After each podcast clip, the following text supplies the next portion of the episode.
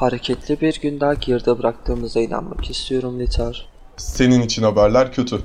Sabahki eylemin faillerinden biri yakalanmış. Yakalanan eylemci de bir diğerini ele vermiş. Şimdi fellik fellik öbürünü arıyorlar. Köşke varınca aramalara katılmamız istenecektir. Bu nasıl mümkün olabilir? İş çıktı diye söylenmiyorum. Bizi karşılayan kalabalığı sen de gördün. Hakeza sonrasında çıkan arbede. Herhangi birine bu gerçekten lordumuzun itibarını zedelemek isteyen eylemcilerden biri olabilir. Ona sendin. Sen yaptın desek bile reddederek suçlamalardan sıyrılmasıyla pekala mümkünken Belki eylemi üstlenmiştir. bu faydasız. Eylem üstlendiyse yanındaki adamı neden ele verdi? Amma da söylendin. Gidince öğreniriz işte. Bak ne diyeceğim. Köşkün girenin çıkanı çoktur şimdi. Birkaç saatte ortalıklarda görünmeyelim. Kendimizi unutturalım. Bakarsın biz dönene kadar aramalar da biter. Sen ciddi misin? Gayet ciddiyim. Saatlerdir limanda esen rüzgara karşı duyana duymayana bağırdık mı? Bağırdık. Laf anlamaz. Sözümüz insanlarla muhatap olduk mu? Olduk. Ha bir de Soma'nın bize bu iş aradan çıkarın yeter dediğini çok iyi hatırlıyorum. Doğru. Öyle dedi ama şu durumda bu sözün bir önemi yok. Lord'un kış görmez üzerinde kuracağı iktidarın önündeki tek engel beklenmedik yerde ve beklenmedik bir zamanda kendini açığa çıkardı. Lordumuz bu fırsatı sonuna kadar kullanacaktır. Önemine şüphe yok ama kararım kesin. Aylardır durdurak bilmem bu koşuşturmaya birkaç saatine ara verip kıçı kırık gemi anına gideceğim. Kıçı kırık gemi hanımı dedin. Evet, şu yol boyunca dinlen düşüremediğin şarabın membahına gidiyorum. Arkadaş, nereye gideceğini daha önce söyleseydin gitmemekte hiç ısrar etmezdim. Ah Litar ah sen yok musun sen? Biliyorum gönlüm vardı da bahanen yoktu. Vicdanını susturduğumuza göre girelim şu yola hemen. Neydi şu içkinin adı? Mintarn yeşil şarabı. Handa hoşuna gidecek bir şey daha var. Neymiş o? İşe aldığım denizcinin biri kulağıma fısıldadı. Handa dövüşü yasal kılan bir ring olduğunu duydum. Aklıma ilk sen geldin. Nedenmiş o? İhtiyacın olursa işine fazlasıyla yarar diye düşündüm. Ne de olsa Handa Amanda Kılıç üşüren de Lord Neverember ile görüşen de sensin. İnanamıyorum ya. Çevremde şu olayın bahsini açmayan bir tek sen kalmıştın. Sen de açtın tam oldu. Sağda solda hep konuşuldu. Bense konuşulanları kulağımı kapadım. Senden dinlemek için fırsat kolladım. Büyütülecek bir tarafı olmayan abartılmış bir hikaye olduğunu temin ederim Camus.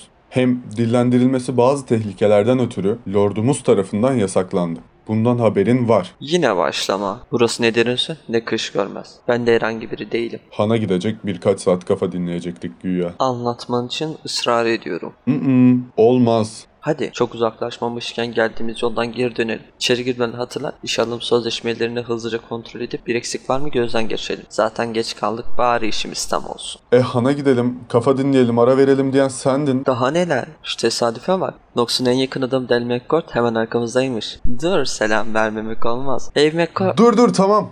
Yeter ki arkana bakmadan hızlıca yürü. Her şeyi anlatacağım. Heh şimdi oldu. Anlat. Seni dinliyorum. Mintarn yeşil şarabı. Hepsi senin için. Bu belaya bulaşmam, karımın zorlamasını saymazsak farçların cazip bir teklif sunarak yardımımı istemesiyle gerçekleşti. Kim olduklarını az çok biliyorsundur. Bak bu çok ilginç. Lord Neverember'ın en büyük destekçisi Derins'ten kış körmeze taşınan birçok malzemenin tedariğinden hatta taşımasından sorumlu tüccar ailesinden bahsediyorsun. Ta kendileri. 4 ay kadar önce yazın ilk ayı grubumla Sönke Farç'ın kış görmeze giden bir başka kervanına refakatçiydim. Olaysız bir şekilde gittim geldim. Dile kolay. 11 günlük yol. Bir sonraki görev emrinin en geç 3 güne kalmaz bölüme tebliğ edileceği hatırlatılmıştı. E haliyle bu süreyi de evde dinlenerek geçirmek istiyorum. İstirahatin ilk sabahı oldu uyandım. Maya sofrayı hazırladı, ailecek kahvaltı yaptık. Daha sonra çocuklar oyun oynamak için dışarı kaçtı. Hanımla kaldık mı baş başa? Ben hemen aşk yapma hevesiyle hareketlenmiştim ki Maya soğuk ve kararlı bir yüzle hiç gevşeme, diyeceklerimi dinle diyerek konuya girdi. Ben de ilk o zaman öğrendim. Sönke'nin karısı ben görevdeyken Maya'ya gelmiş, aile üyelerinden birinin açıklığa kavuşturulması gereken bir sorunu olduğunu, eğer yardım edersem karşılığında yüklü miktarda altın vereceklerini söylemiş. Altın dediysem 5 değil 10 değil. Ne kadar? E altını batsın dur şimdi. Sorunları ailenin en genç üyesi 19 yaşındaki oğullarıyla ilgili. İlkbaharın ilk aylarından bu yana sebebi bilinmez çocuğa bir şeyler olmuş. İlk zamanlarda coşkusunu, neşesini, çevresine olan ilgisini yitirirken son zamanlarda durumu daha da kötüleşmiş. Ailesinden habersiz günlerce eve uğramaz, nerede olduğunu bir bilen çıkarsa da çoğu zaman meyhane köşelerinde sızmış bir halde gördüğünü söylermiş. Tabi senin benim gibi memur ailelerinin dertlerine kıyasla küçük ve geçici bir sorun gibi görünüyor. Fakat iktidar sahibi ailelerde para ve güç artık elde edilmiştir. Asıl mesele bunu sürdürebilmek olduğu için en değerli hazineleri, belki yatırımları demek daha doğru olur, çocukları. Yani ailesi oluyor. Benden önce çocuklarıyla konuşmayı denemişler. Olmamış. Daha sonra bu durumu bir tür hastalık belirtisi sanarak gidilmedik doktor, gidilmedik büyücü bırakmamışlar. Onlar da sorununa bir çare bulamayınca son bir ihtimal bana geldiler. Daha öncesinde konunun detaylarını bilmesem de genellikle Sönke'nin kervanını korumakla görevli subay ben olduğumdan Sönke ile yakındık. Muhabbetlerimiz arasında en küçük oğlu konusunda birkaç kez hayıflandığını işittiğimi hatırlıyorum. Tahminimce bu mesailerimizden birinde beni tanımış ve güvenebileceklerini düşünmüş olmalılar. Ama ne olursa olsun işi kabul etmeyecektim. O yüzden hanım sözünü bitirmeden inandırıcı birkaç bahane hazırlamıştım bile. Para göz kadın. Altının miktarını duyunca zaten beni bu işe sokmak için elinden geleni yapacağını ant içmiş olmalı. Her bahaneme bir bir karşılık verdi. Ben de hemen pes etmedim tabii. En güçlü bahanemi en sona saklamıştım. Bu teklifi kabul etmek istesem de nefes alacak vaktimizin olmadığını, yeni yönetim altında ne kadar süreceğini bilmediğim bir macera için izin alamayacağımı, bu yüzden teklifi reddetmek mecburiyetinde olduğumu söyledim. Maya şöyle bir kısıldı. Dikleşti. Sen o konuları hiç dert etme dedi. Tekliflerini olur verirsem yönetimle ilgili pürüz çıkmaması için gerekli her türlü düzenlemeyi yapacaklarını garanti etmişler. Hanım da evde durdurmuyor, mecbur işi kabul ettim. Sen de söyle bakalım ne kadar teklif ettiler? 25 altın kadar. Öf. Gerekli düzenlemeler yapıldı, boşa çıkarıldı. Başladım çocuğu izlemeye. Bir gün geçti, iki gün geçti, bir şey yok. Üçüncü gün geldi çattı. Çocuk öğlen sularında iyisinden bir at kiraladı. Bir tane de kafile buldu, peşlerinden deh dedi kuzeye.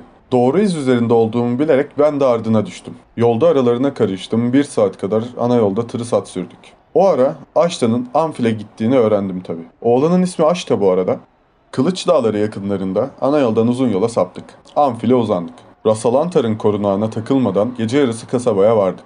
Aş da Hagala'nın kulesinde geceleyeceğini söyleyerek gruptan birkaç kişiyle yanımızdan ayrıldı. Ben de o gece bir tane daha misafir oldum. Bir dakika. Ne yani Farzan'ın küçük oğlu Hagal'ın kulesine mi gitti Ampel'de konaklamak için? Ben de aynı tepkiyi vermiştim. Ucuz, rahat bir yer olmadığı kadar da tehlikeli. Gün ağırdı başladı günün telaşı. Öğle vaktine kadar Hagala'nın çevresinde gezindim. Aşta'yı göremeyince hana girdim. Onu kıyıda bir masaya kurulmuş buldum. Selam verdim, başka bir masa seçtim, oturdum. Bir şeyler içtim, biraz atıştırdım, bir saat kadar oyalandım. Baktım Aştan'ın handan çıkacağı yok. Öğle vakti, içeride bir Allah'ın kulu yok. Aştan'ın şüphelenmesini göze alamazdım. Tezgahın önüne vardım, barmene Aşta'yı işaret ederek, handan çıkarsa bana haber uçurmasını tembihleyerek fazladan birkaç gümüşlük bıraktım. Dışarı çıktım. E harca tabii. Kazanacağına kıyasla devede kulak. Allah var iyi para aldım.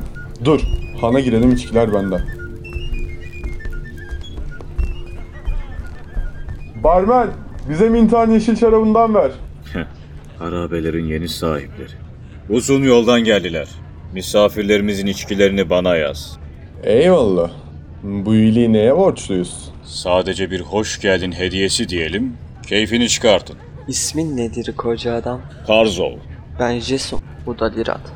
Kesene bereket. Güzel içkidir. O kadar ki ölmeden önce tadabildiğiniz için şanslısınız beyler. Afiyet olsun. Ücreti al barmen. Ne garip memleket. Küçüğü dilenci, büyüğü serseri. Geldik geleli adada yaşayan el yüzü temiz bir kişiyle karşılaşmadık. Bu gidişle Beyaz Yelkenler şirketi kış görmesi korusun diye savaşlar diye iş yaramaz serseriler gönderecek. Rahatla biraz devrem. Yeşil içkilerimizin tadını çıkar. Yeni yurdumuz, yeni kış görmezi. Şerefe!